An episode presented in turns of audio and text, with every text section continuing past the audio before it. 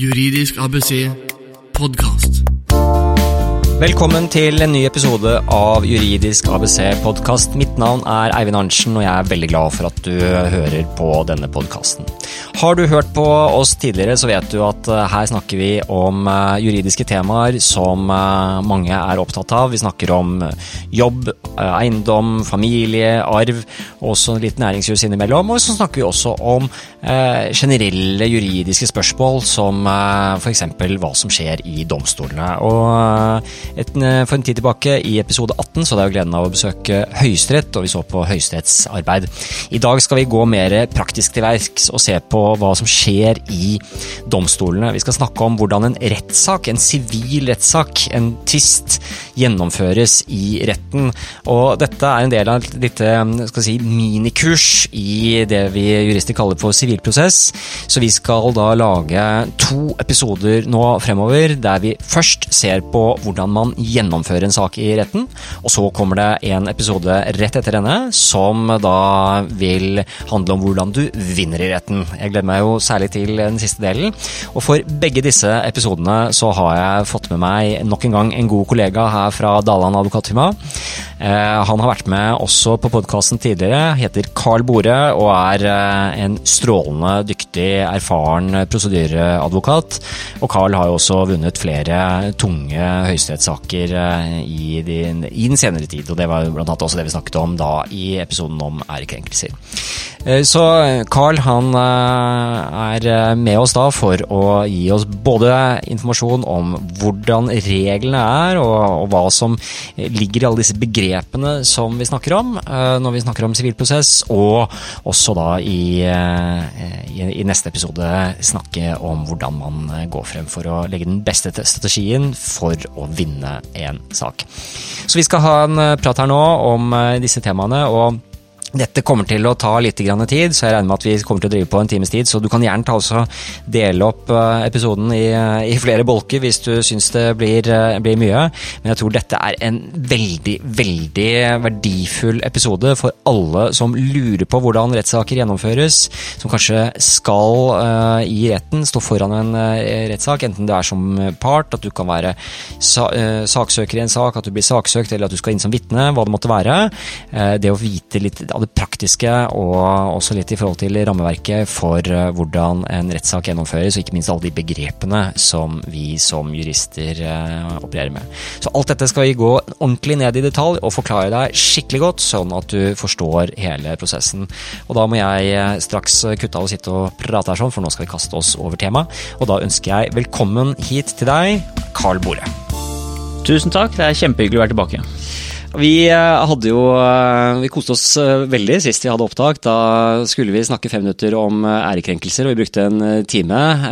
Var ganske grundig på det. Da hadde du akkurat gjennomført to store, og det er altså objektivt sett store høyesterettssaker. Det var de to største sakene Høyesterett hadde på den tiden innenfor ærekrenkelser. Vant selvfølgelig begge. Og da jeg satt og syslet litt med planene om å lage en podkast nå om sivilprosess, så var det jo ikke noen tvil om at jeg måtte måtte spørre deg først i forhold til å være med. Så, det er kjempehyggelig. Det er iallfall som sagt veldig kult å være tilbake. Så bra. Og vi har høye ambisjoner for denne episoden. For vi skal snakke om eh, det vi advokater kaller sivilprosess. Eh, hovedforhandlinger i sivile saker. Eh, mange temaer her sånn som vi skal gå gjennom nøye og forklare. Blant annet hva er sivilprosess og hva er en hovedforhandling.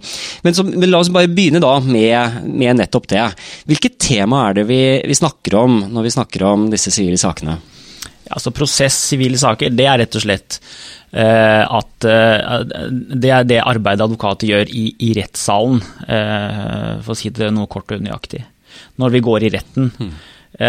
og det, er, det, kalles prosess, og innenfor det så skiller vi jo mellom to hovedtyper av saker. Altså vi har straffesakene, som har en litt egen form for behandling i rettsapparatet, og så har vi de sivile sakene. Og de sivile sakene det er i prinsippet alle andre saker enn de sakene som gjelder straff.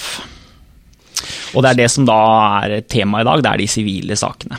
Og type eksempel på saker vi snakker om da, da er det det kan være boligmangelsak, eller det kan være en familiekonflikt, det kan være en tvist om hytta, det kan være Det kan være veldig mye. Det er de eksemplene du nevner. Et annet eksempel kan være en tvist om aksjekjøp. Det kan være eh, krav om at en, et offentlig vedtak er ugyldig. Eh, krav om at uh, offentlig handling er i strid med menneskerettighetene. Eh, veldig, veldig mye.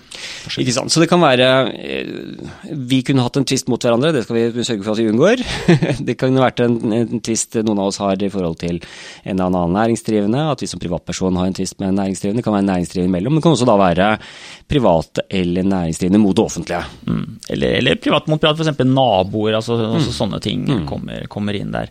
Og det som er med straffesaker, er at de, de begynner ved at eh, da politiet eller påtalemyndigheten tar ut en såkalt tiltale. altså De mener da, de konkluderer med at en, en person eller en foretak har brutt straffeloven og vil ha saken behandlet i rettsapparatet.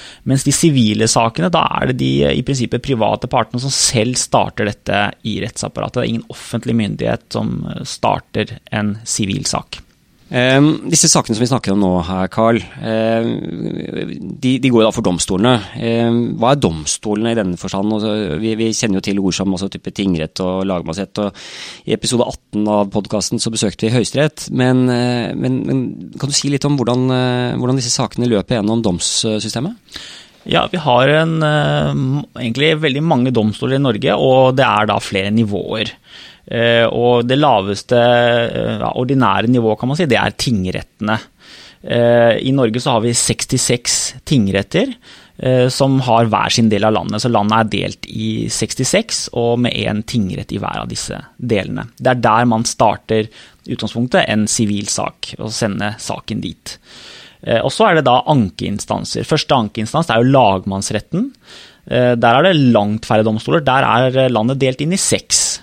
Så da er det veldig mange tingretter da, uh, hvor man da anker inn til en eh, overliggende uh, lagmannsrett. Um, og over disse seks lagmannsrettene så har vi da én ankeinstans til, og det er Høyesterett. Og det, er bare én instans, selvfølgelig. Det er Norges høyesterett. Mm. Um, og Det er da disse alminnelige domstoler som vi snakker om. Og så er det jo Noen av lytterne vil sikkert kjenne igjen Forliksrådet som også en type uh, slags domstol eller meklingsinstans. Hvordan henger de sammen med, med de øvrige domstolene? Ja, eh, Enkelte saker skal egentlig starte under tingrettene. De starter i eh, såkalte forliksrådet. Det er et eh, lekmannsorgan som i prinsippet da har domsmyndighet. Eh, men som også i stor grad jobber med å forlike sakene, altså at partene kan snakke sammen, møtes og inngå en minnelig løsning. Um, som oftest så avsier ikke dom. Eh, hvis de avsier dom, så anker man den inn til tingretten. Hvis de ikke avsier dom, så, så bringer man saken fortsatt da inn til tingretten. Så er det jo da slik at eh, dersom det er snakk om en tvist eh, hvor det er snakk om litt, litt penger, eh, og begge parter er representert av advokat, så, så, går man gjerne rett til tingretten. Det er riktig. Juridisk ABC podkast. Ok, Carl. Veldig bra. Nå har vi fått uh, litt sånn uh, noen poller på plass i forhold til uh, hva vi snakker om, temaet her sånn, og hvilke domstoler vi har.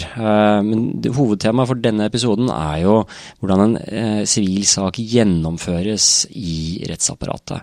Så vi skal nå legge ut på en, en reise her gjennom domstolssystemet med et tenkt krav, og da begynner jo saken et sted. Kan du si litt om eh, det? Hvor, hvor, hvor begynner en sivil sak? Ja, altså Når man sånn i dagligtale snakker om en rettssak, så tenker man at man da møtes i en rettssal og argumenterer og fører mm. beviser foran en dommer. Mm. Eh, men det er ikke der saken starter. Saken starter ved å sende et skriftlig krav til domstolen. Den som har et krav, sender dette til domstolen, eh, enten selv eller ved hjelp av sin advokat. Og det første skrivet da, som man sender inn, som starter saken, det kalles stevning. Mm. Så en sivil um, sak starter ved innsendelse av stevning, ja, normalt til tingretten. Hva inneholder en sånn stevning? Ja. En stevning er jo da eh, en redegjørelse for saken. Eh, man skal da først redegjøre for uh, partene og advokatene og angi personalia på de saken gjelder. Deretter skal du redegjøre for faktum i saken, hva som har skjedd. Mm. Eh, det som er viktig for deg. Eh, du skal også redegjøre for jussen, hvorfor du mener at ditt krav da skal føre frem. Og, du skal også presentere de bevisene som du har tenkt å legge frem når du kommer til rettssalen. Det er typisk dokumenter og hvilke vitner som skal avhøres. Og så skal du også eh, avslutte eh, stevningen med en konklusjon hvor du kort formulerer kravet. Det er det vi kaller påstand. Og da er det sak, Den som da sender inn stevningen, kalles saksøker. Eh, og den som da blir da eh, får stevningen holdt jeg på å si, mot seg, det blir da den, den saksøkte. Begge er da parter i den saken som starter. Så Det er et viktig, viktig, dokument, og hvis den saken da tas inn av, av tingretten, så, så, har man jo sparket i gang hele, hele rettssaken, for å si det sånn, eller hele, hele den prosessen, ved det dokumentet. Uh, og, og det, den, den, den, stevningen den, den, kalles også prosesskriv. Uh, kan du si litt om uh, altså når, når, stevningen er sendt inn, hvilke andre typer prosesskriv er det som kommer? Hva, er, hva ligger i dette med prosesskriv? Hvordan er det den videre saksbehandlingen skjer?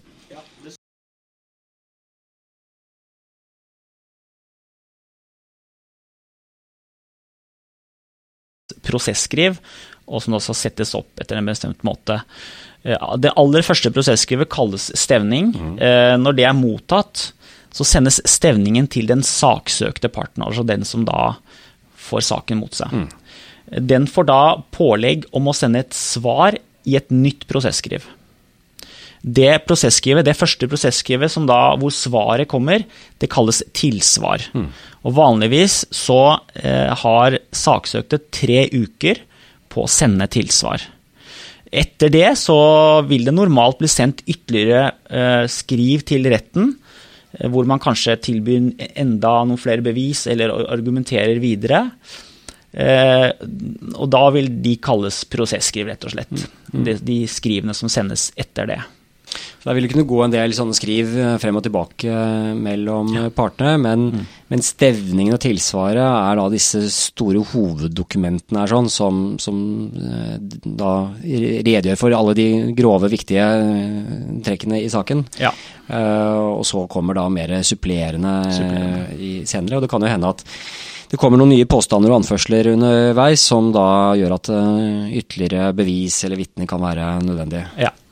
Stevning og tilsvar er de klart viktigste dokumentene vanligvis. Um, så, så, tilsvaret er jo da eh, det som kommer etter stevningen som vi har sett på. Så var du inne på dette med eh, tilsvarsfrist. At man får da tre uker på normalt, tre uker på å, å komme med et svar på stevningen. Eh, men hvordan er det prosessen legges opp videre? For nå er, jo, nå er, nå er vi i domstolene. sånn at uh, Domstolene har jo en rolle her og, og, vil jo ta litt regien kanskje i forhold til videre utvikling. Kan du si noe om hva som skjer i, i forhold til saksbehandlingen i, i retten? Ja, uh, Etter at tilsvar er sendt inn, så er vi fortsatt på det vi kaller forberedelsesfasen. Vi er fortsatt ikke i rettssalen. Og det pågår da kanskje i noen måneder til. Mm. Og da uh, jo, har jo da dommeren uh, et ansvar for å forberede, og bl.a. hvordan saken skal behandles. Et av de viktigste spørsmålene da er når skal mm. rettsmøtet være av det som vi kaller rettssaken mm. i vanlig språkbruk. Um, det første som skjer etter tilsvar vanligvis, det er at retten innkaller til et telefonmøte mellom advokaten og retten for å drøfte ulike sider ved behandlingen, og da først og fremst finne en dato for, eller tidspunkt for den rettssaken som skal mm. holdes. Ehm, det rettsmøtet. Eh, når man finner det, så sier man at man da berammer det rettsmøtet. Mm. Og det rettsmøtet som da behandler en sivil sak, det kalles da i tingretten for hovedforhandling. Mm. Så, så, det vil da normalt bli bestemt i et sånt telefonmøte som advokaten og dommeren har eh, da etter at tilsvaret er mottatt. Så det telefonmøtet det er det vi i dag kaller eh, planmøte, eh, og der diskuterer man bl.a. og setter tidspunkt for selve rettssaken, mm. Hovedforhandlingen. Du sier advokatene, og det er vel sånn at i, hvert fall vår erfaring er at i aller, aller fleste tilfeller så er det jo advokater som er inne her nå. Mm. Kan du bare kort si noe om forholdet mellom eh, egne prosessfullmektiger eh, og eller de som er selvprosederende, og de som bruker advokat, og, og hvor viktig er det å ha advokat i en sånn prosess? De aller færreste fører saken sin selv, og det er en, er en grunn til. Mm. Eh, kan, det er, eh, altså dom, dommer, Dommerne har veldig kort tid på seg til å ta stilling til en sak uh, under hovedforhandlingen.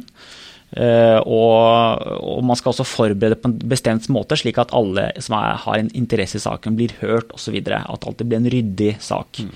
Derfor er det en ganske krevende oppgave å forberede en sak, gjennomføre en sak. Det er en, en, det er en egen lov eh, som styrer eh, saksbehandlingen.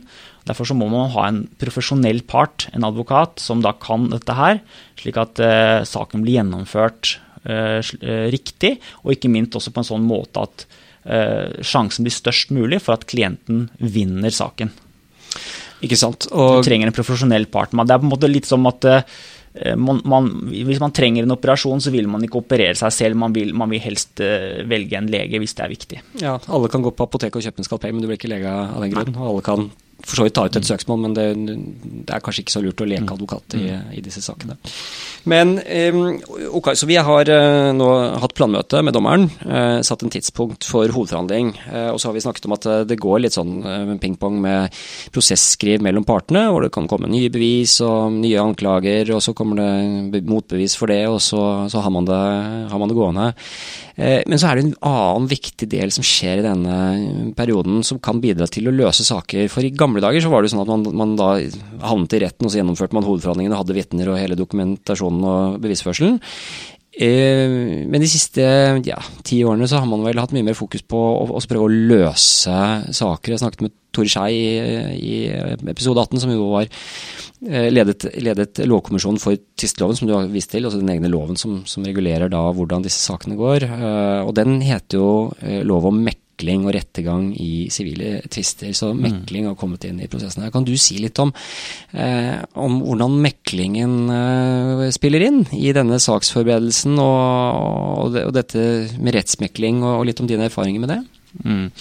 Ja, altså øh, man bør i, i en, en rettstvist bør man være åpen for å finne en, en minnelig løsning på ethvert stadium. Domstolen har i alle år bidratt til eh, å forsøke å megle mellom partene, eh, også når, eh, etter at stevning er sendt inn. Men problemet for en dommer er at det er litt vanskelig å megle, for da må han signalisere hva han mener om saken før han har tatt stilling til saken. Mm. Det kan gjøre at han kan bli inhabil. Så når vi fikk ny tvistelov da i 2008, så ble det innført en egen eh, meglingsordning som skal da virke på en måte parallelt med at saken forberedes med én dommer. Så skal man også da parallelt kunne megle i, rett, i, i, i domstolen med en annen dommer. Mm. Som da slipper å måtte være forsiktig holdt jeg på å si, med å mm. uttale seg om saken. Mm.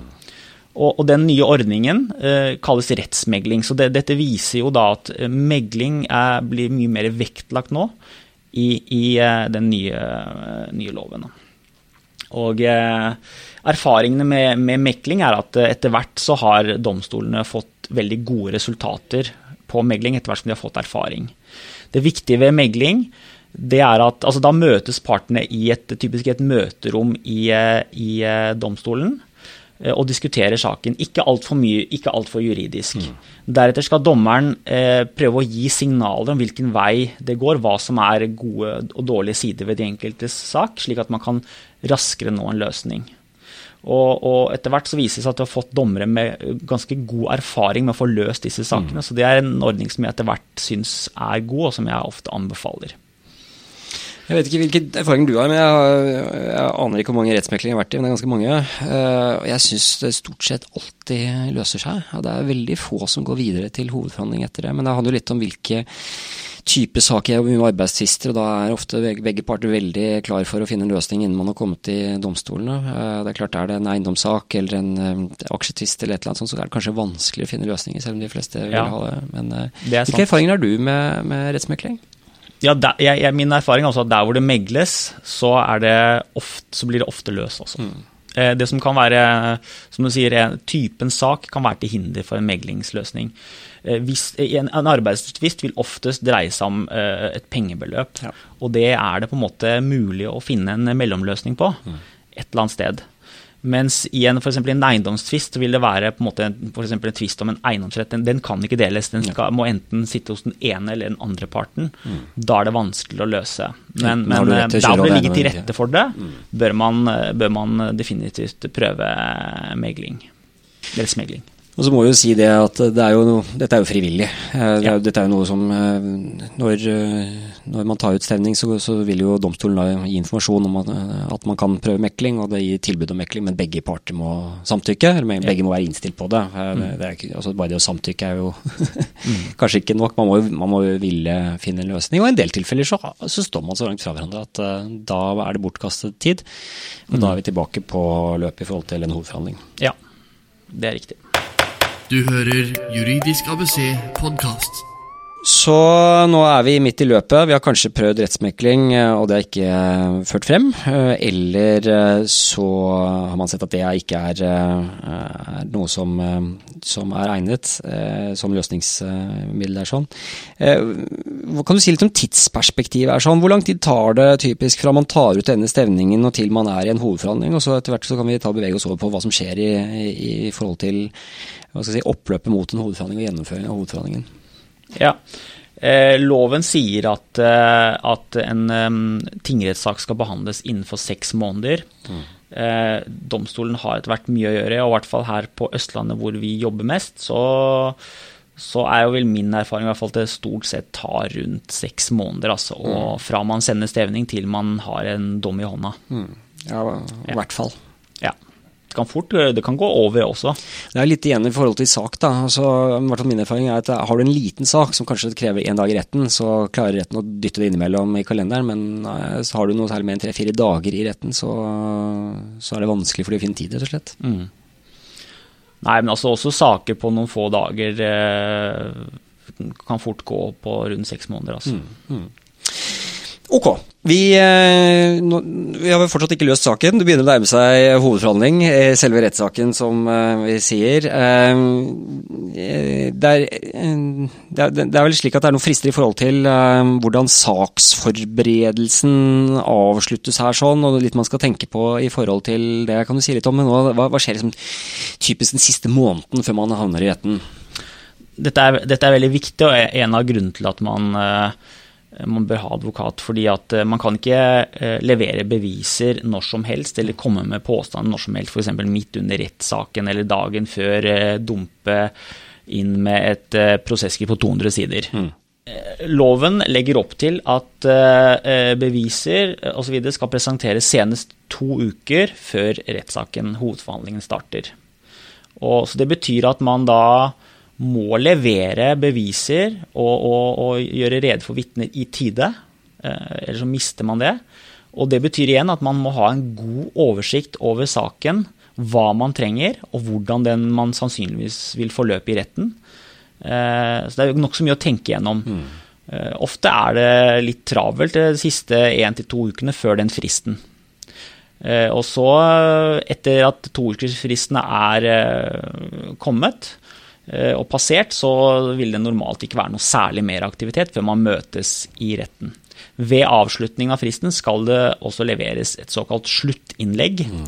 som er et, egentlig i prinsippet et prosesskriv, det også, til retten, hvor man kort sammenfatter eh, hvordan man ser på saken, og, og de grunnlagene som man mener skal føre frem for ens egen klient. Den er liksom eh, hale og hode på forberedelsen. da, hvis du, Først har du da stevning og tilsvar, som vi snakket om, og så kommer liksom konsentrat kanskje i, i sluttinnlegget. Er det en måte å beskrive det på? Ja, det er, et, det er en, det er en kortversjon. Ofte er de korte, disse sluttinnleggene. Eh, men det skal gi en, ja, det skal gi en oversikt, en rask oversikt. Mm. Og, og, så er det selvfølgelig justert i forhold til at eh, det kan, kan, skje mye på disse månedene fra stevningen og frem til sluttinnlegget ja, går inn. Det kan være justering i den i forhold til stevningen f.eks. Mm.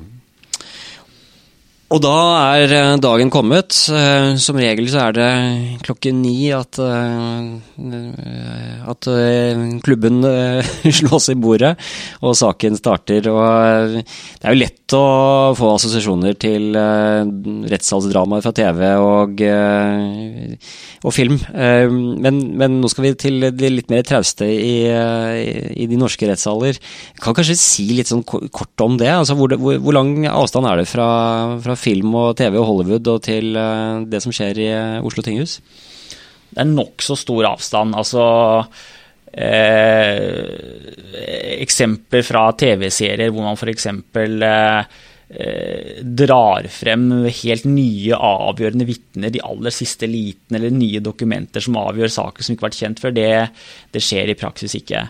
Og det er også nok så, ofte nokså høyt temperamentsnivå i noen av disse mm. TV-seriene. Man uh, står nærmest og bjeffer på hverandre. Det, det skjer ikke i, uh, i, hvert fall i norske rettssaler. Et høflig uh, og rolig møte fra start til slutt. Mm.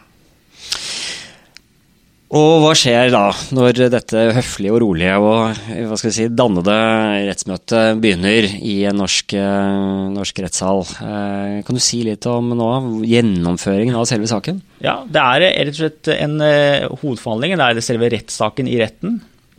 Det er jo delt inn i flere faste sek sekvenser. Mm. Uh, og med f.eks. dokumentasjon og vitneførsel. Og advokatene har på forhånd blitt enige om hvor lang tid som skal brukes på hvert vitne, hver person, hvert, altså de, ulike fasene. Som er ganske detaljert som, som er også detaljert. Man, også det viser at man må ha tenkt nøye gjennom saken på forhånd hva man trenger. Mm. Men de fasene er som følger. Man starter, uh, og som regel er det vil den, ja, Det er vanskelig å si noe om snitt, kanskje, men en rettssak kan anslagsvis ofte ta en to, tre, fire dager, en sivil sak. La oss si tre dager, da, ja. sånn at vi kan, så, så splitter vi det sånn grovt opp. Ja, du har flere dager. og... Mm. Men i hvert fall, første sekvens den er veldig kort, men retten øh, starter saken, setter rett. Øh, presenterer kort seg selv, partene og kort om hva saken gjelder. Dette tar kanskje en ti minutter. Mm. Deretter kommer en sekvens som er eh, veldig viktig. Det er det såkalte innledningsforedraget, eller det heter vel nå eh, saksfremstilling. Men eh, det er i hvert fall en, et innledende tale fra hver advokat, hvor de kort redegjør for faktum og juss.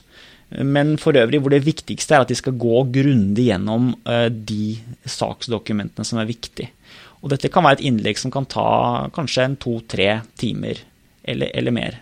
Så skjønner at her, advokat. Dette her går man nøye gjennom hele saken, ja. altså. Ja, erfaringsmessig, etter min mening iallfall, så er ofte dokumentene viktigere enn vitneførselen. Mm. Og, så dette er en veldig viktig fase, at man treffer der. Men altså, man eh, gjennomgår dokumenter, leser opp det som er viktig, det vi kaller dokumentasjon. Først saksøkerens advokat. Når han er ferdig, så er det saksøkerens advokat som mm. gjør det samme. Og Sånn er det for så vidt med de resterende sekvensene. Først saksøkeren som gjør sitt, mm. presenterer sitt stoff, deretter saksøkte. Så det er innledningsforedrag, og da er det altså man, man forteller hele historien fra A til Å, og forteller om hvilke bevis man har for sin side og er helt nede på detaljene her i forhold til å lese opp. og Det kan være kontrakten, det kan være eh, brev eller e-post eh, eller Facebook-melding for den saks skyld. Du har jo vært i rett med disse ærekrenkelsessakene. Da, da vil jeg tenke at da, da, da, leser man jo artiklene eh, og hva som har stått der og hva som er ærekrenkende, og forteller litt om hvorfor det er ærekrenkende osv. Så det er veldig konkret da, i forhold til, til fakta. Ja, I noen, noen saker så kan, jo, så kan, man jo den første advokaten bruke hele dagen mm. Mm. på, på, å gjennomgå disse dokumentene, mm. og før man gir stafettpinnen over til advokat nummer to. Eh, veldig viktig fase, og du skal også da der, allerede der mm, fargelegge dommerens syn på saken og forsøke å få han over på din, din side. Der må man ikke legge, eh, liksom spare noe som helst. Mm. Så det er da innledningsforedraget. Mm. Eh, neste sekvens er eh, partsforklaring. Da er det partene sin tur til å avgi forklaring. Eh, og Man starter da selvsagt igjen med saksøkerens forklaring først. Han setter seg i vitneboksen, og det stilles spørsmål fra advokatene. Og igjen, saksøkerens advokat stiller da spørsmål først til denne parten, deretter saksøktes advokat. Og så har ofte dommeren noen spørsmål mm. Det er litt viktig å få med, kanskje. Jeg har i hvert fall opplevd noen aktører i retten som, som, eh, får spørsmål fra advokaten sin. Ja, Carl, kan du fortelle meg om denne saken? Og så eh, kremter de og finner frem 20 eh, ferdig sider skrevet tale og begynner å fortelle hele historien fra A til Å. Men det er kanskje ikke, ikke måten å gjøre det på? Nei, altså man, man kan ikke man, sitte med noe manus i, i retten for, uh, for uh, hva man skal si. Det er, uh, helt, det er ikke lovlig. Og Da vil jo dommeren gripe inn og si at dette er, det, er, spørsmål man skal få. Man skal få spørsmål i forhold til det som er relevant i forhold til sakene. Ja. Men det er klart, enkle oppstillinger og notater, noen ganger så har man behov for det som en sånn slags sånn hvileskjær for tanken. Det, det, er det lov å ha, men noe sånn regulært manus kan Eh, kan parten absolutt ikke ha i retten. Hmm.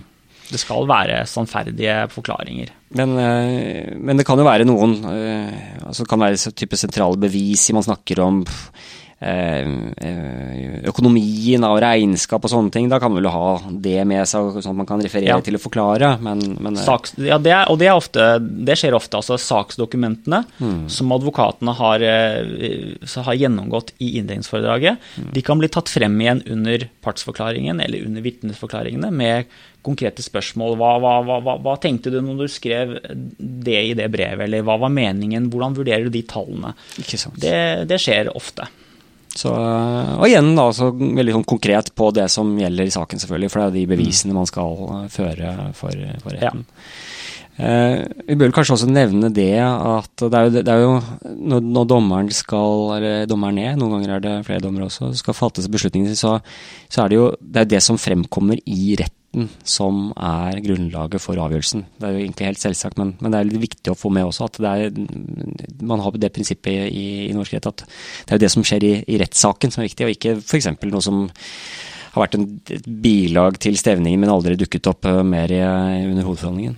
Ja, det, vi har et uh, prinsipp om, uh, spesielt i Norge kanskje mer enn i andre land, om muntlighet. Mm. Det vil si at det dommeren Eh, når man skal gi dommeren opplysninger om saken, slik at han kan ta stilling til den, det skal gjøres muntlig i retten. Derfor, blant annet derfor er det at advokatene leser opp fra dokumentene, istedenfor bare gi dommerne en bunke på forhånd og bare si at dette regner med at du har lest. De må faktisk leses opp muntlig. På samme måte så, så partsforklaring, vitneforklaring, de må avsies muntlig i rettssalen. Mm. De skal ikke da skrives ned på forhånd. Og du kan ikke, når vi nå kommer til vitner, så kan du ikke bare si at ja, og så har vi vitnene Per og Pål og Espen, og her, de har skrevet hvert sitt brev til dommeren. og det, det kan bare dommeren få lese gjennom etterpå. Det, sånn fungerer ikke. Sånn har vi det ikke i Norge. Sånn er det til en viss grad i andre land. Mm. Um, så hvordan gjør man da med vitner i Norge? For nå er vi ferdig med, nå først har advokaten altså holdt eh, innledningsforedraget. Ganske så nøye, og det, som du sier, altså kan det jo ta en dag, kanskje mer også.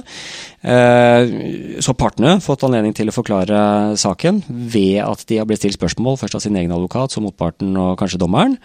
Da er vi ferdig med eh, innledning og partsforklaring, og da er vi eh, hvis vi, hvis vi sier at dette er en tredagerssak, så er vel dette stort sett uh, I hvert fall første dag. hvert fall, ja. ja. Og kanskje er vi kommet litt i gang med dag to også. Mm. Uh, og sier vi er da kommet til lunsj ved dag to, da har advokaten og partene sagt sitt, og så skal vi opp på vitne. Mm. Um, hvordan angriper man dette med vitner? ja, Vitner er ofte noe, noe kortere. Eh, for hvert vitne, men det er flere vitner. Mm. Altså, eh, det generelle her er jo at uh, igjen, saksøkerens uh, vitner føres først, én og én. Og det er da saksøkerens advokat som stiller spørsmål først, deretter saksøktes advokat. På, når vi ser dette på dramatisert, så er det jo ofte ganske, ganske mye dramatikk, og det kan være at man, eh, man, legger opp et uh, vel regissert uh, rekke med, med, spørsmål som til slutt får vitnet til å bryte sammen, eller uh, logikken kommer til syne og, og, saken vinnes på en uttalelse, eller kanskje en uheldig uttalelse fra vitnet. Hvor, hvor, mye ser du av det i norske rettssaler?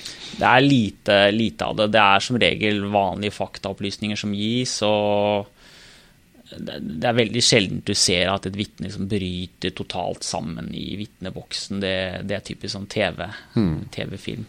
eh, altså dette med at man eh, at advokaten går rundt omkring i, eh, i rettssalen på ulike tidspunkter, det, det skjer i, i, praksis ikke i Norge. Her man sitter, advoka, Alle advokater sitter når man stiller spørsmål til parter og vitner. Som jeg sier, det er et rolig eh, møte. Mm. Og, og, man skal ha en høflig tone som advokat, og også overfor Eh, parter og vitner. Eh, hvis man begynner å hugge på eh, verbalt, heve stemmen eller lignende, så vil det fort bli slått ned på av dommeren. Man skal snakke høflig til, til de som er i retten. Du får ikke skreket deg til å vinne en sak i retten, rett og slett?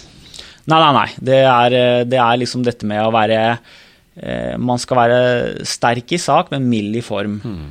Og mm, så, så det, det, vil jeg si altså, til de som da ligger, kan ligge an til å, til å uh, bli involvert i en rettssak som part eller som vitne, så, så, vil det foregå rolig og høflig for seg, de avhørene som skjer der. Riktig. Så uh, enten man da er i en sak og, og skal føre vitner, eller man da skal være vitne selv, det kan hende at det er noen som skal vitne som, som hører på podkastene også, så Eh, er det ikke sånn sett så mye å frykte. Man møter opp for å, for å, for å svare på spørsmål som berører uh, mm. saken. Vi bør kanskje si at det er, eh, det er jo helt selvsagt at som vitne så må man jo snakke sant. Det gjelder selvfølgelig også for partene. Så både partene og vitnene skal jo også avlegge en sånn type forsikring. Ja. Kan du kanskje kort si noe om, om det?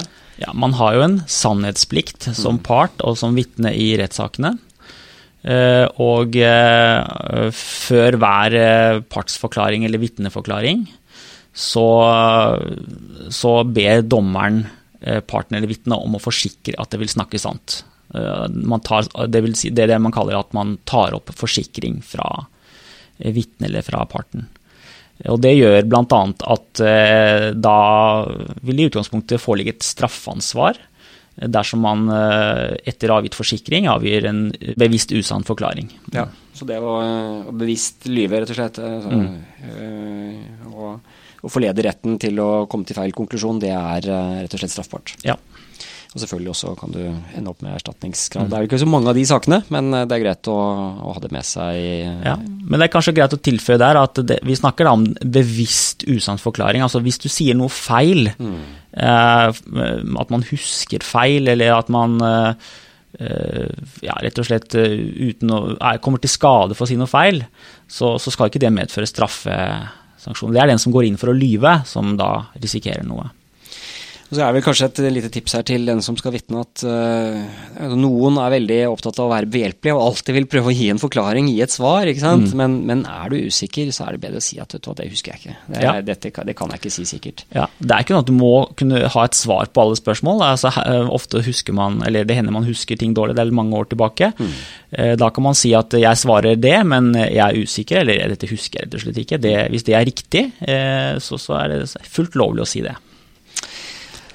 Ok, så nå er vi på vitne, og um, på samme måte som for partene, så er det da uh, egen advokat som uh, stiller spørsmålet, spørsmålene, med da eksaminasjonen, og så er det krysseksaminasjon med motpartens advokat som stiller spørsmål, dommeren som sagt, og så slippes vitnet, og da er jo bevisførselen avsluttet.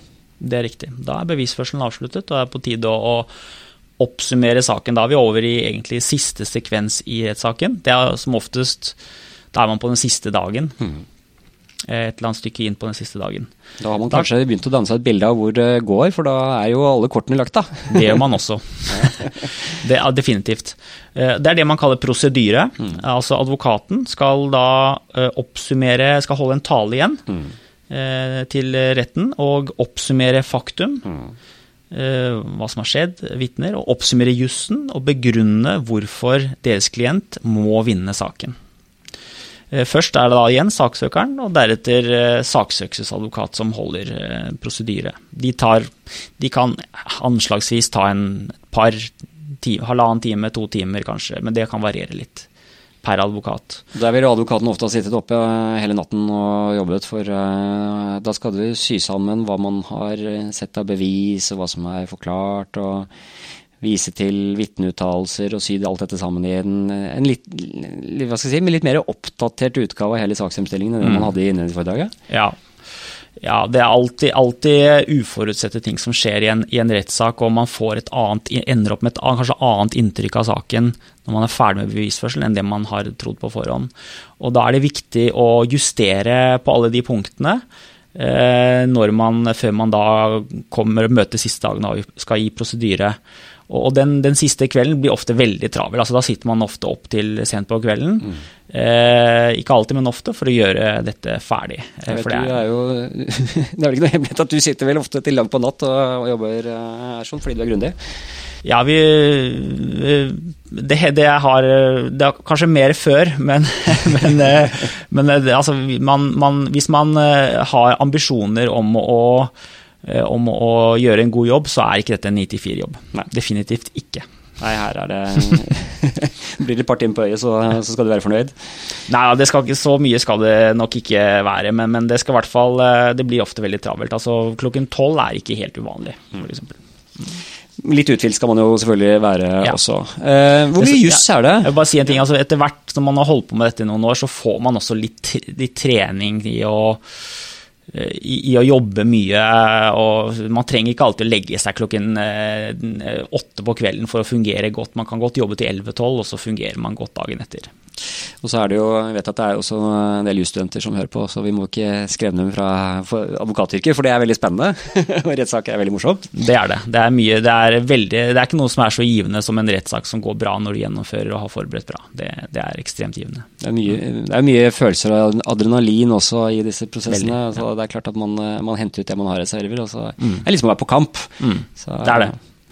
Så, så, det er, eh, og der er jo kanskje tenker jeg, prosedyren en sånn veldig viktig del av det. Du sier noe, her noe om det i forhold til at man oppsummerer, ikke sant? Altså bevisførselen er ferdig og man, man, man, går gjennom og hva man har hørt osv. Hvor mye juss er det i, i, denne delen? Kan du si litt om det? Ja, det varierer eh, veldig fra sak til sak. Mm. Eh, men det er klart at det du har å si om jussen, mm. det skal du først og fremst si i prosedyren. Det er der du skal da gå inn på dommer, lese opp deler av dommer, lese de paragrafene paragrafene og avtalebestemmelsene som er eh, relevante, og kanskje også andre ting. Eh, og det er en, del av, en viktig del av prosedyren. Eh, så kan det variere da, fra sak til sak hvor mye jusstoff det overhodet er i saken. Noen saker gjelder kan nesten bare jus, andre saker nesten bare faktum. Mm. Noen, ja, så det kan variere. Bør kanskje si det også, at det er jo gjerne sånn at det lages noen verktøy som brukes under disse sekvensene.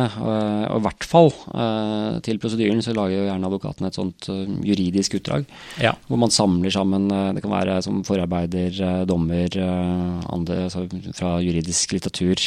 Alle ulike kilder som man påberoper seg. Ja. Sånn at dommeren får sånt, en, en liten blekke. Ja, det blir, det blir, jo ofte mye papir. ikke sant? Og når det gjelder faktum og bevis dokumentasjon, Mm. Hvis det er eh, en del dokumenter, så lager man på forhånd et eget hefte er at, hvor det er kronologisk og med sidenummerering, og det er lett å finne frem. Og På samme måte når det gjelder jussen, eh, det blir, kan fort bli mye sider med dommer og, og side opp og side ned og lover osv. Da lager man et eget hefte som kalles juridisk utdrag, med sidenummerering. Og så når man da prosederer, så lager man en, en slags innholdsfortegnelse over alt det man skal si, med punkt, stikkpunkter. Mm og med, med, henvisninger til alle relevante sider i det faktiske utdraget og i det juridiske utdraget.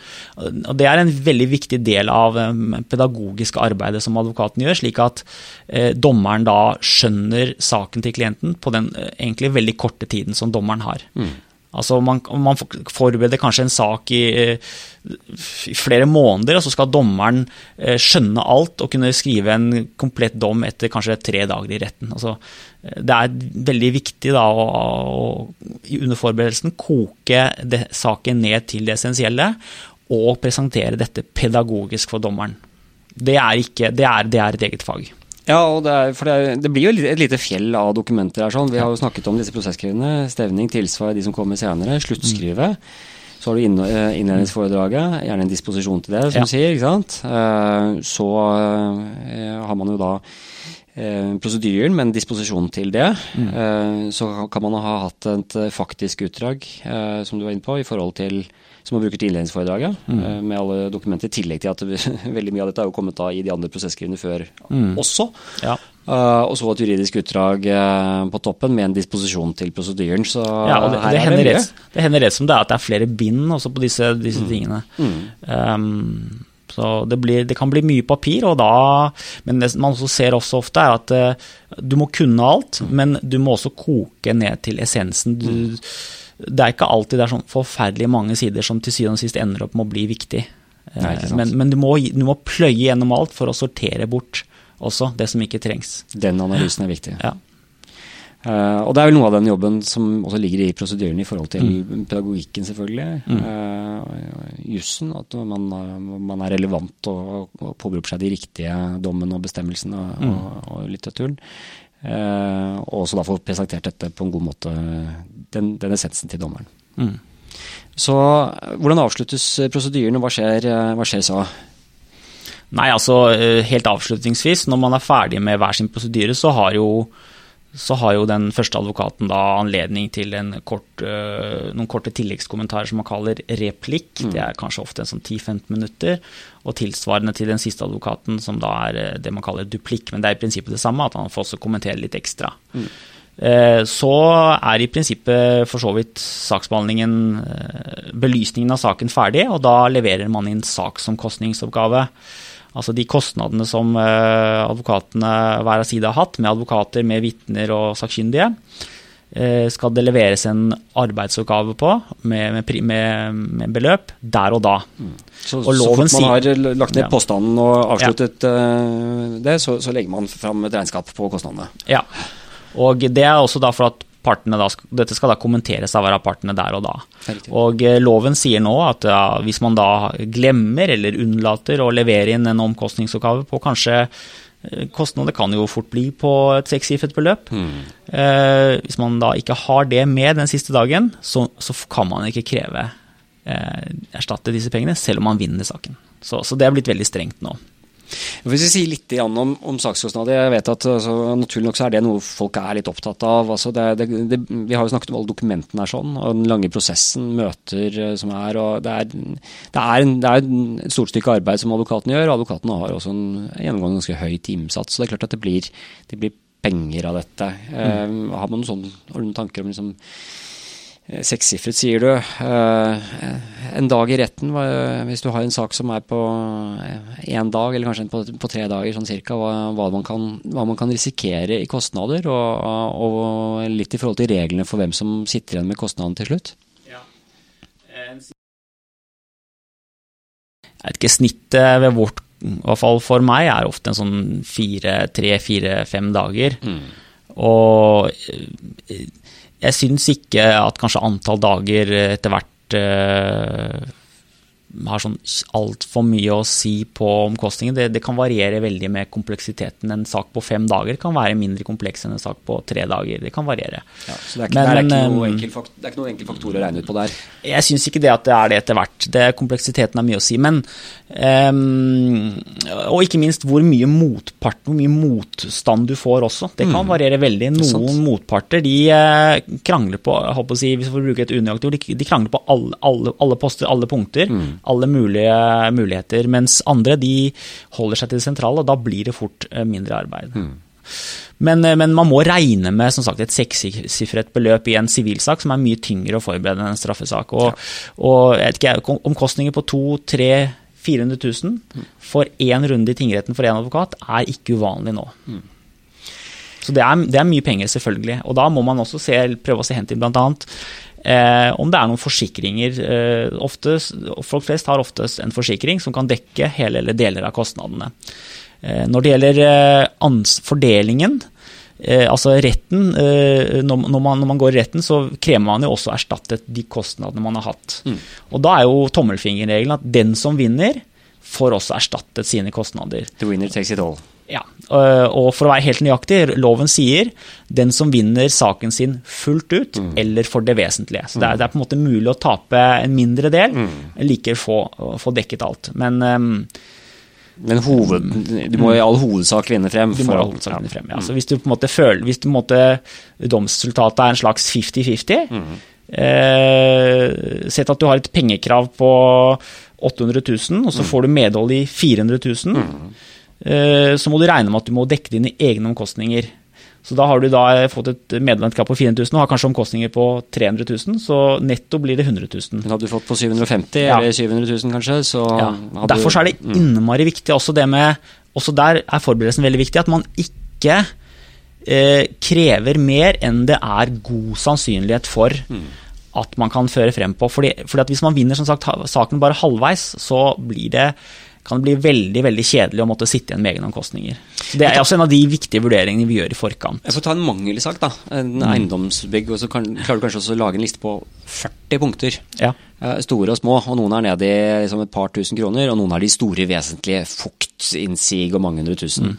Så bare, men, nå er ikke jeg eiendomsadvokat, så jeg skal, men, eh, så jeg skal ikke trekke dette for langt sånn sett, men jeg vet at du kan ha og har hatt mange av disse sakene i, i retten.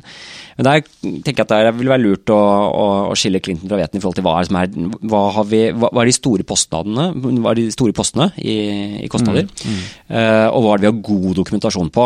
Og, og har du mye sånn eh, holdt på å si rask, så, så er det ikke lurt å legge mest mulig på for å makse kravet. Det er bedre å ha et eh, tilskåret eh, og godt dokumentert eh, krav med store poster, tenker jeg. Ja, ja. Eh, Fordi at det, ja, definitivt du må, er det I en, i en eiendomstvist, f.eks. kjøp av ny bolig, så kan det ofte oppstå mye poster. Eh, og, hvis du da, og da er det stor, selvfølgelig stor risiko for at du vil tape en del av de, selv om du kanskje vinner de fleste. Og da kan du risikere å få, måtte dekke dine egne omkostninger. Som blir et veldig stygt score i den kanskje erstatningen du får. Ja, for vi vil jo vinne, Så- vi, vi vil jo ja. vinne fullt ut for, Så- for det vesentlige. Ja, så derfor så er vi veldig nøye med, med, med, med, med å gi klienten tydelig råd om hvor, hvilke poster som er usikre. og Er de, er de usikre nok, så, så vil vi fraråde at de postene overhodet tas med. Så er det til syvende og sist opp til klienten. Noen ganger, hvis det er tale om en, en, en veldig kostbar eh, reparasjonspost, så kan det hende at klienten velger å, å, å prøve den selv om den er usikker. Men det er i hvert fall viktig at vi som advokater gir tydelig beskjed om risikoen på forhånd. Jeg kan si litt mer om dette i forhold til risikobetraktninger. Er et stort og fryktelig vanskelig område, det er jeg fullstendig klar over. Eh, og noen ganger så er det vel sånn at man eh, altså no, Noen er mer risikovillige enn andre. Uh, I utgangspunktet så vil man jo tenke at uh, ren matematikk tilsier at det er 50-50 sjanse for å vinne, men det blir litt for enkelt uh, det òg, tenker jeg. Så, men hva, hva er dine tanker rundt dette med risiko? Det er et vanskelig tema. Nei, det, er, det blir altfor enkelt med 50-50, fordi alle sakene varierer, alle, hver sak varierer veldig. Og det kommer an på det kommer jo helt an på hva jussen sier om det kravet som fremsettes. og Noen ganger har man tunge saker sånn før man går i retten, andre ganger så har man, eh, føler man at man har en god sak. Så det, men det, det, det ser du ved å studere saken grundig. Derfor er det viktig å, å, å, sette seg nøye inn i saken før du går i retten, og helst også før du tar ut en stevning. Fordi at det er omkostninger som motparten etterpå kan kreve erstattet av deg hvis han vinner, de begynner å løpe fra, i prinsippet fra stevningen. Altså. Ja.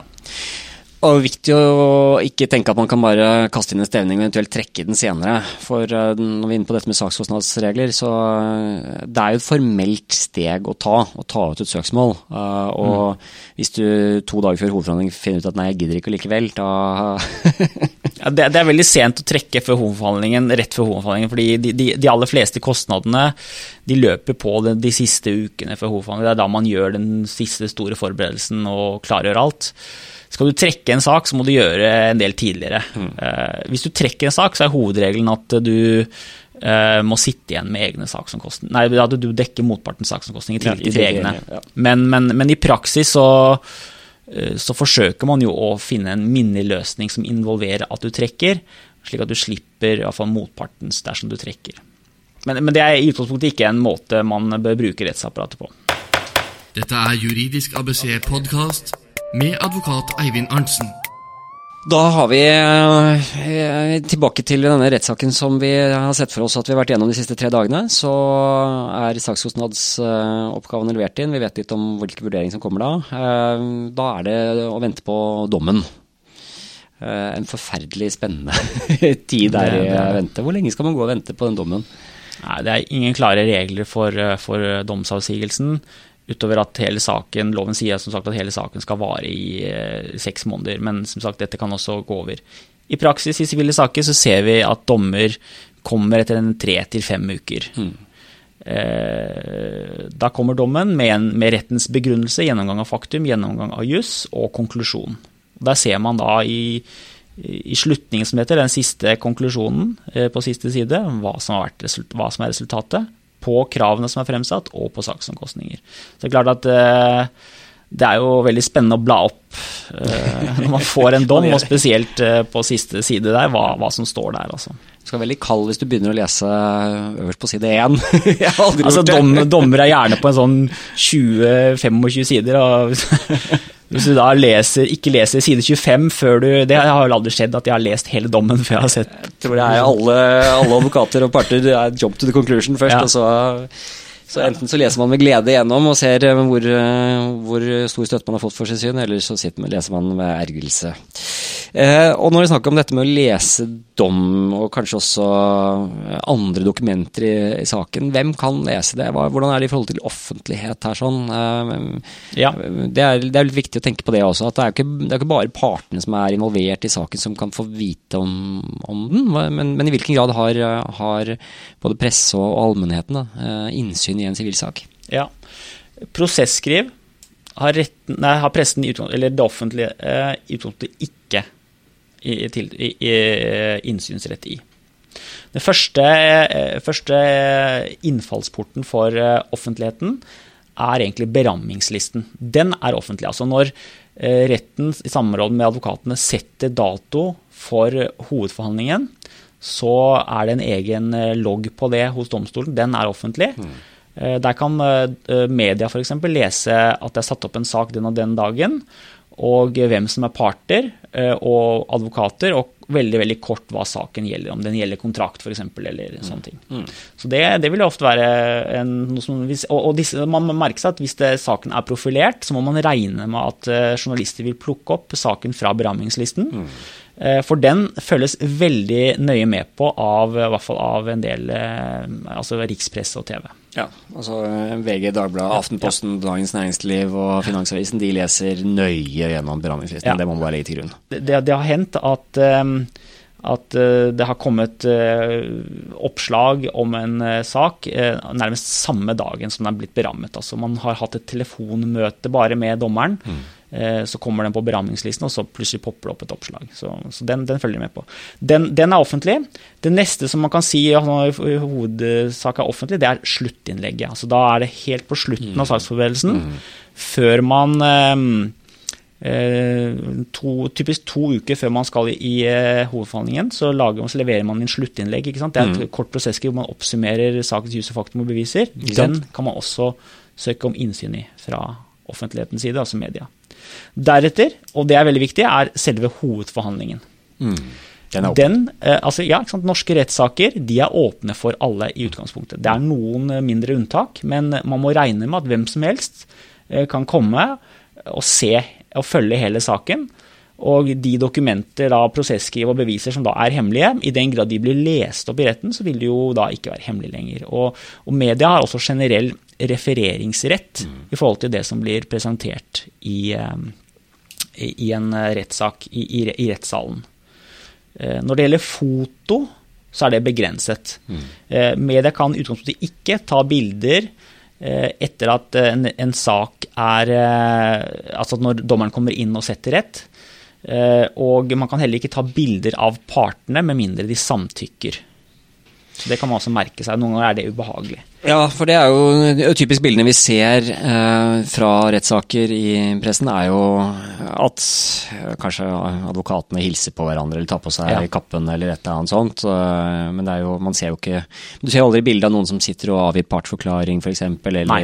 den type ting. Men det som man også kan merke seg som part, eh, det er at pressen har heller ikke lov til å ta bilder av deg Eh, heller ikke i, si, i gangen mm. eller rett utenfor uh, rettslokalet. For der har parter, Det er en, en belastning, spesiell belastning å være i en rettssak, og da har man et særskilt vern. Noen ganger er media freidige og går i gang med å ta bilder. Da, da har man i utgangspunktet rett til å si eh, jeg samtykker ikke at du tar bilde, jeg ber om at du, du ikke tar bilde. Da skal journalisten ikke gjøre det. Mm. Og så er det da selvfølgelig dommen. Mm. Den, den, er også da offentlig igjen, noen mindre unntak, men den må man regne med at da, media og andre får innsyn og får kopi av. Så her kan både private forhold og, og også forretningshemmeligheter og strategier og den type ting kan bli brettet ut i, i rettssalene. Det er vel, det skal vi si, når vi går inn på det med familieforhold, så er vel, jeg hadde jo en episode her med, om barnefordeling med Anne.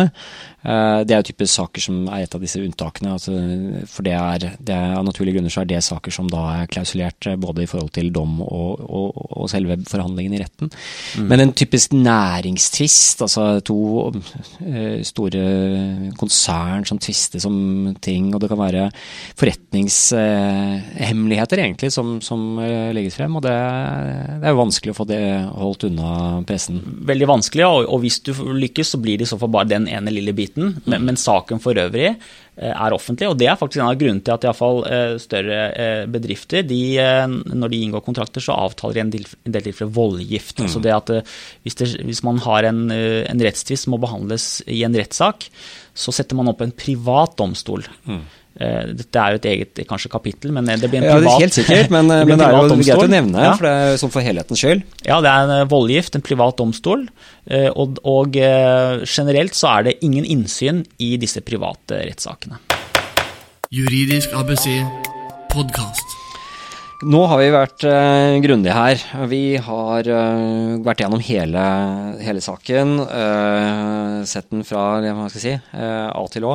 Det er bare én ting som gjenstår, uh, syns jeg, for, for, å få helheten på, på, dette. Og det er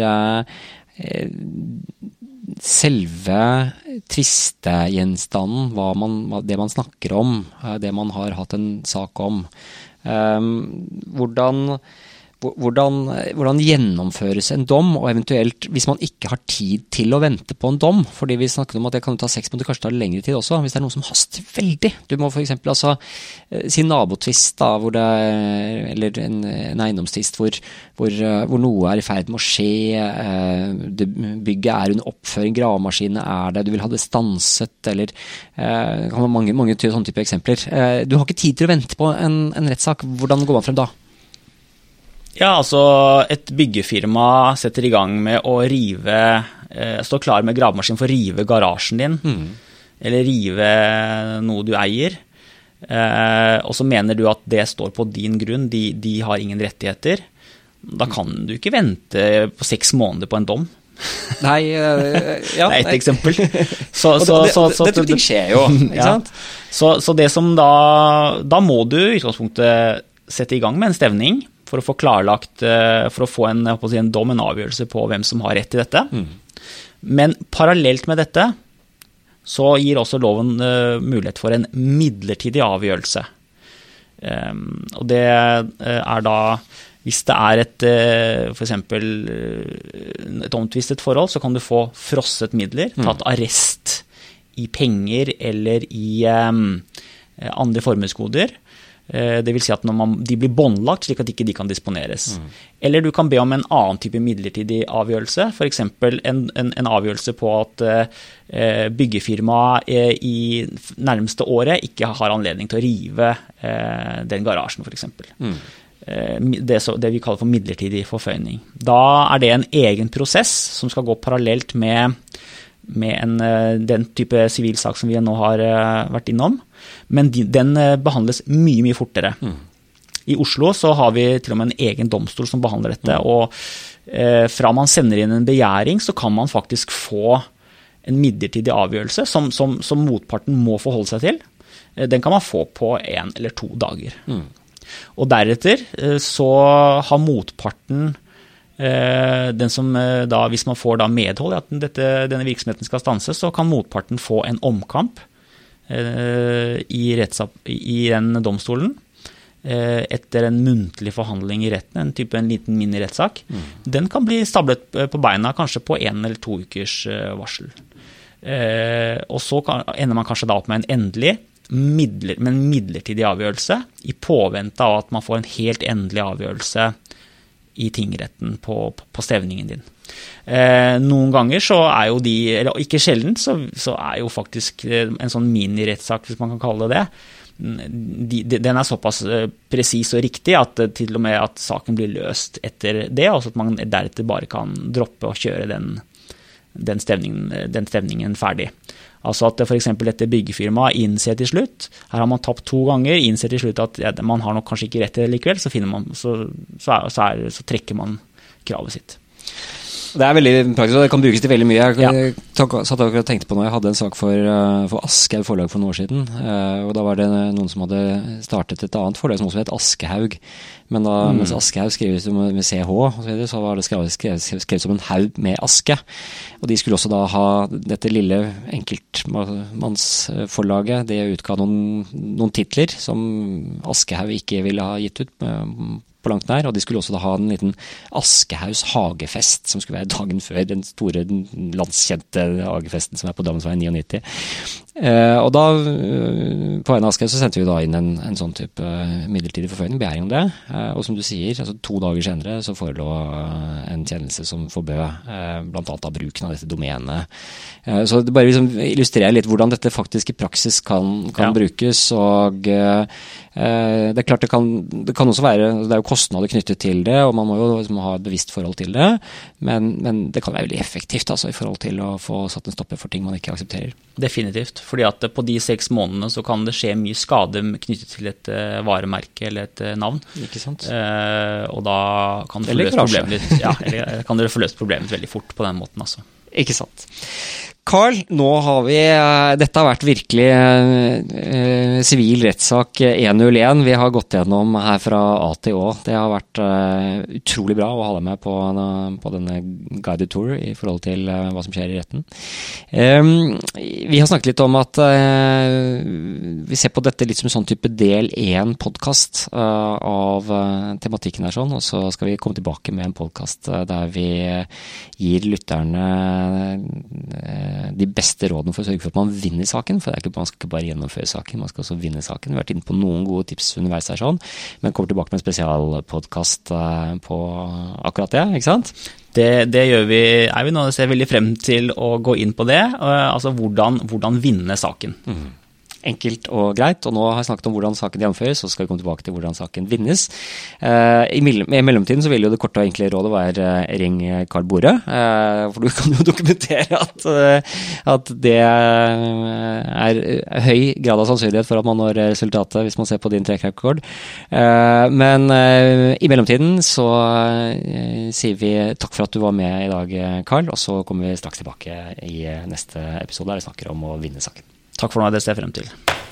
Du hører Juridisk ABC podkast. Det var altså del én av dette minikurset med Karl Bore, der vi snakker om alt som har med sivil prosess å gjøre, det å gjennomføre en rettssak.